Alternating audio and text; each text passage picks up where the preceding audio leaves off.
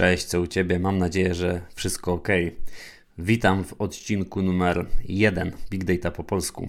To jest podcast, w którym rozmawiamy o branży Big Data, tylko nieco mniej technicznym językiem, ale co ważniejsze, odkrywamy także świat. Świat, który jest zbudowany z danych, rządzony jest przez algorytmy. Dzisiaj o tym pierwszym rodzaju e, porozmawiamy, czyli o branży. Dlaczego? O tym już za chwilę. Natomiast w dzisiejszym odcinku zdradzę jedną rzecz, dosłownie jedną, która pomoże Ci myśleć jak inżynier big data i zrozumieć chociaż troszeczkę naszą branżę. Cześć, nazywam się Marek Czuma. Jestem założycielem Riotech Data Factory firmy, która pomoże Ci zrozumieć Big Data w wymiarze technicznym i biznesowym. W tym podcaście poznajemy branżę oraz otaczający nas świat. Świat, który zbudowany jest z danych i rządzony jest przez algorytmy. Pakuj swoje rzeczy i ruszaj ze mną w tą fascynującą podróż. Zanim przejdziemy do sedna, zdradzę moje małe marzenie. No dobra, może nie jest do końca małe, ale bardzo chętnie się nim podzielę. Co to za marzenie? Mm. To jest y, bardzo istotna rzecz dla mnie, dlatego że na niej zbudowałem, y, rozpocząłem budowę Riotech Data Factory. To jest właściwie fundament tej firmy. Marzy mi się, żebyśmy za jakiś czas, za jaki to już jest drugorzędna sprawa, może być 5 lat, 10, a może być nawet i 20. Natomiast marzy mi się, żeby każdy w Polsce rozumiał, co to jest big data. Nie tylko wiedział, że coś takiego istnieje, nie tylko znał ten termin, ale naprawdę dobrze to rozumiał.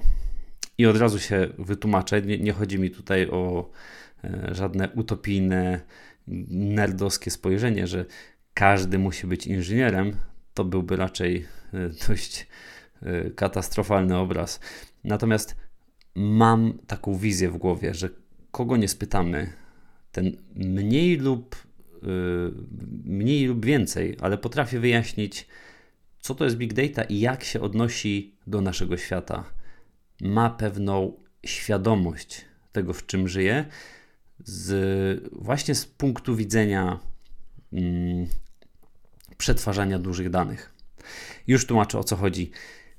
Y, nie każdy musi być inżynierem, ale każdy z nas styka się z big data. Dlatego y, mamy y, możliwość zrozumienia, o co w tym tak naprawdę chodzi, a tak naprawdę mamy konieczność zrozumienia, o co w tym dokładnie chodzi. I żeby zobaczyć, w, jak, w jakich kategoriach można rozumieć big data, powinniśmy spojrzeć na kilka poziomów. To znaczy, tak jak powiedziałem, nie każdy musi być inżynierem, ale to jest tylko jeden z poziomów rozumienia, czym jest przetwarzanie bardzo, bardzo dużych danych. E, ten najbardziej taki, możemy powiedzieć, podstawowy, ten najbardziej taki fundamentalny. Natomiast inne to przede wszystkim najszerszy kontekst, czyli kontekst społeczny, e, gdzie rozumiemy ogólnie, w których miejscach nas to dotyczy, e, gdzie się z tym stykamy, jakie to niesie za sobą zagrożenia, jakie niesie za sobą szanse i mniej więcej rozumiemy, e, jak my też te szanse możemy wykorzystać. To jest też poziom kadr, kadr w firmach przede wszystkim i organizacjach. To jest poziom bardziej taki menedżerski już i y, w nim e, zarówno menedżerowie, prezesi, e, wszelkiego rodzaju doradcy, ale też rekruterzy rozumieją, czym jest big data. To znaczy, mają odpowiednie podejście, które pozwoli im lepiej zarządzać i lepiej wykorzystywać to na swoją korzyść. I mamy wreszcie czwarty poziom, czyli poziom e, polityków. Polityka to jest e, rzecz znów, która wpływa na nas, nawet jeżeli tego nie chcemy. I dobrze, żeby ludzie, którzy zarządzają państwem, miastem, którzy mają duży wpływ na jakiś nasz kawałek naszego życia, zdawali sobie sprawę z tego, jak można wykorzystać duże przetwarzanie dużych danych. Marzy mi się, żeby każdy z nas lepiej lub gorzej rozumiał, czym jest big data, dlatego że to w mojej ocenie jest kluczowa branża dla naszego świata. To jest branża, którą nazwałem już rdzeniem naszej rzeczywistości. Troszeczkę więcej o tym opowiedziałem w odcinku numer 0. Kto jeszcze nie odsłuchał tego, zapraszam. Natomiast w dużym skrócie, w każdym ważnym miejscu dla współczesnego świata gromadzone są dane.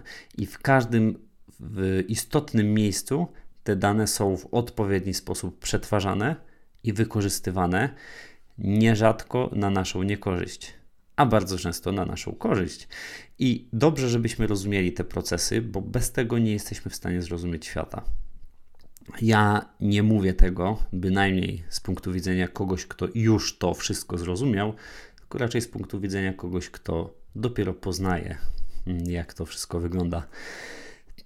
I pomyślmy tylko, co by było w momencie, w którym faktycznie szeroka świadomość e, zapanowałaby w Polsce. Mielibyśmy gigantyczną przewagę zarówno na polu e, ekonomicznym, zarówno na polu świadomości przemian społecznych, no bo przecież ogromna e, część z nich dokonuje się w mediach społecznościowych, na Netflixie. To są miejsca, w których przemiany społeczne się po prostu dokonują i y, one się dokonują w dużej mierze właśnie dzięki zarządzaniu, bardzo umiejętnemu zarządzaniu ogromnymi danymi.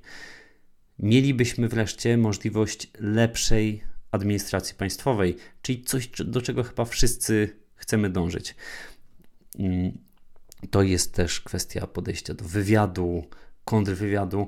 Także jeżeli cały kraj byłby w ten czy inny sposób uświadomiony w kontekście big data, moglibyśmy zdobyć absolutnie y, przełomowe atuty w konkurencji i gospodarczej, i politycznej, i na bardzo wielu innych frontach. Dlatego marzy mi się, żebyśmy wszyscy wiedzieli e, coś niecoś na temat big data. Jedni lepiej, będąc ekspertami, inni troszeczkę mniej, po prostu mając ogólną świadomość tego, o co tu chodzi. Tak jak już powiedziałem, są różne poziomy rozumienia i absolutnie nie chodzi o to, żeby każdy był inżynierem. Natomiast mm, jeżeli chcemy poznawać świat, który jest zbudowany z danych, to dobrze, żebyśmy mieli chociaż odrobinę świadomości tego, jak branża funkcjonuje pod kątem technicznym, czyli jak myśleć e, jak inżynier. Ja się zastanawiałem długo, zresztą teraz akurat prowadzę takie szkolenie kilkutygodniowe, tak bardzo y, szerokie, przekrojowe szkolenie i po raz kolejny zastanawiałem się, co zrobić, żeby kursanci kończąc kurs mieli świadomość tego, w czym będą pracować. Nie chodzi przecież tylko o to, żeby umieć obsługiwać tą technologię czy inną technologię. Sztuką jest zrozumieć szerszy kontekst i umieć bardzo dobrze posługiwać się tymi technologiami, ale komponując je ze sobą, mając ich głęboką świadomość, to jest naprawdę coś yy, zdecydowanie yy, z tych trudniejszych rzeczy. I zastanawiając się, jaką jedną rzecz mógłbym przekazać, która pomogłaby w lepszym zrozumieniu branży, albo pomogłaby w ogóle zacząć rozumieć tę branżę, doszedłem do wniosku, że istnieje coś takiego. I zanim przejdę do tego, co to jest, to wyjaśnijmy sobie, żeby nie banalizować całego tematu. Nie chodzi o to, że teraz podam jedno y, magiczne lekarstwo, które jak za dotknięciem czarodziejskiej różdżki sprawi, że zrozumiesz branżę. Tak, tak to, tego się nie da zrobić, niestety. Mm, można natomiast wykorzystać tutaj zasadę Pareto. Zasada Pareto mówi o tym, że mniej więcej oczywiście 80% efektów robione jest przez 20% działań. To są oczywiście takie umowne y, proporcje, które mają tam pobudzić myślenie, a nie koniecznie jakieś, y, jakieś konkretne statystyki. Chodzi natomiast o to, że nie każde działanie, nie każda wiedza jest tak samo istotna i tak samo warta. Są takie rzeczy, które możemy zrozumieć, i jeżeli je zrozumiemy, to nasze całościowe zrozumienie tematu, świadomość tego tematu, umiejętność posługiwania się jakimś narzędziem wzrośnie bardzo, bardzo dynamicznie. Natomiast są też takie rzeczy, które tylko odrobinę nas pchną do celu. I te małe rzeczy, nie zrozum mnie źle, te małe rzeczy też są bardzo istotne. Natomiast warto zacząć od tych kilku, które pchną nas bardzo mocno do przodu.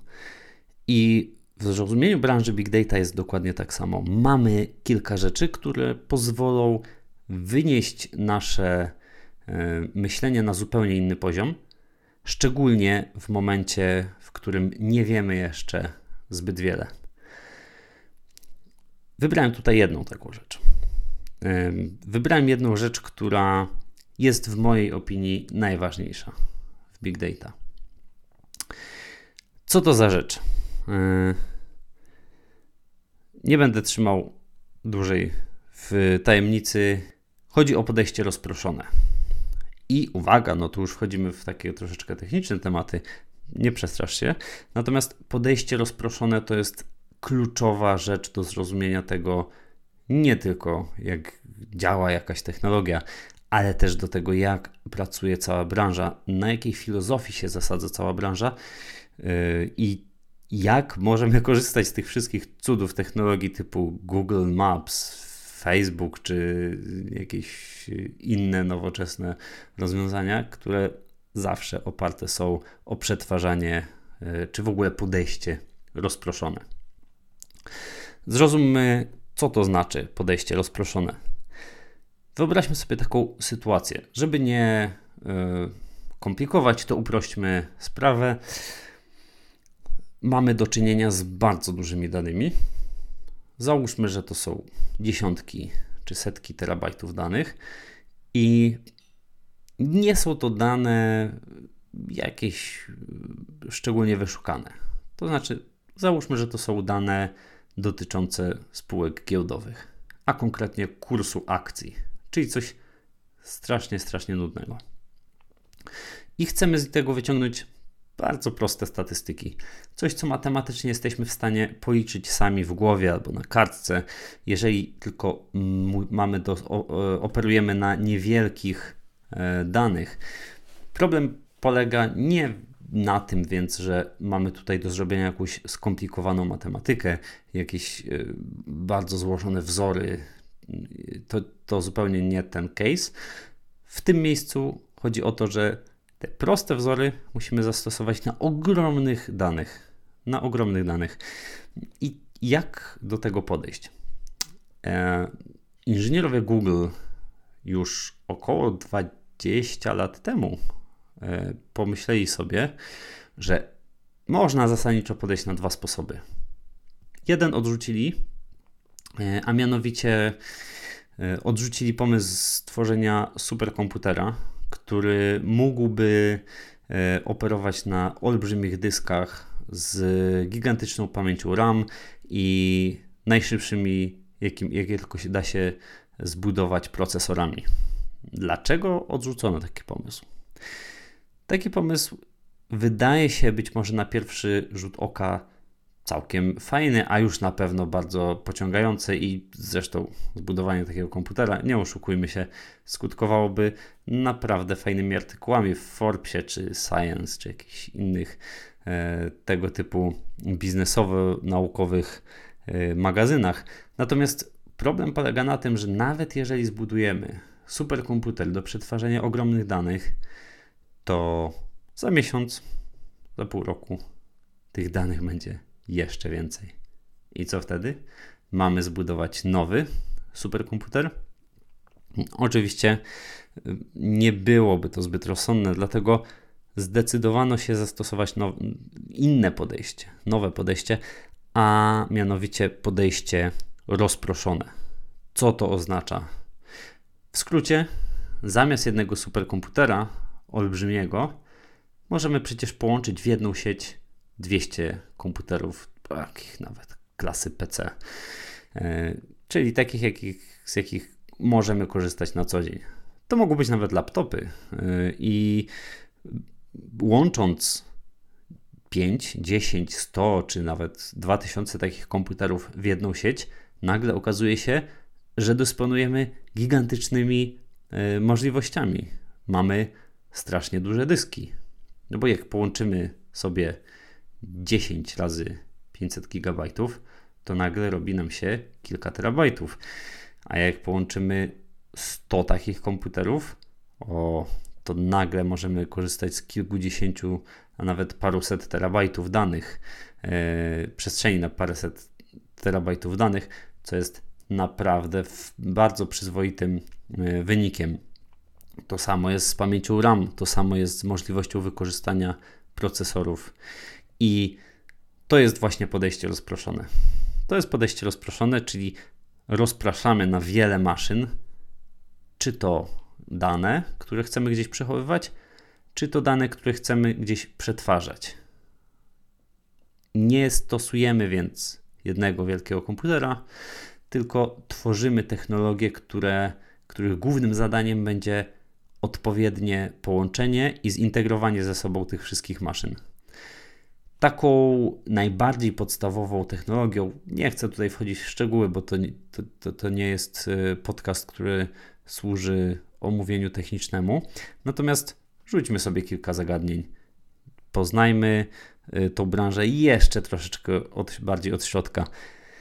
Najbardziej fundamentalną y, technologią, czy tak naprawdę ekosystemem technologii jest Apache Hadoop.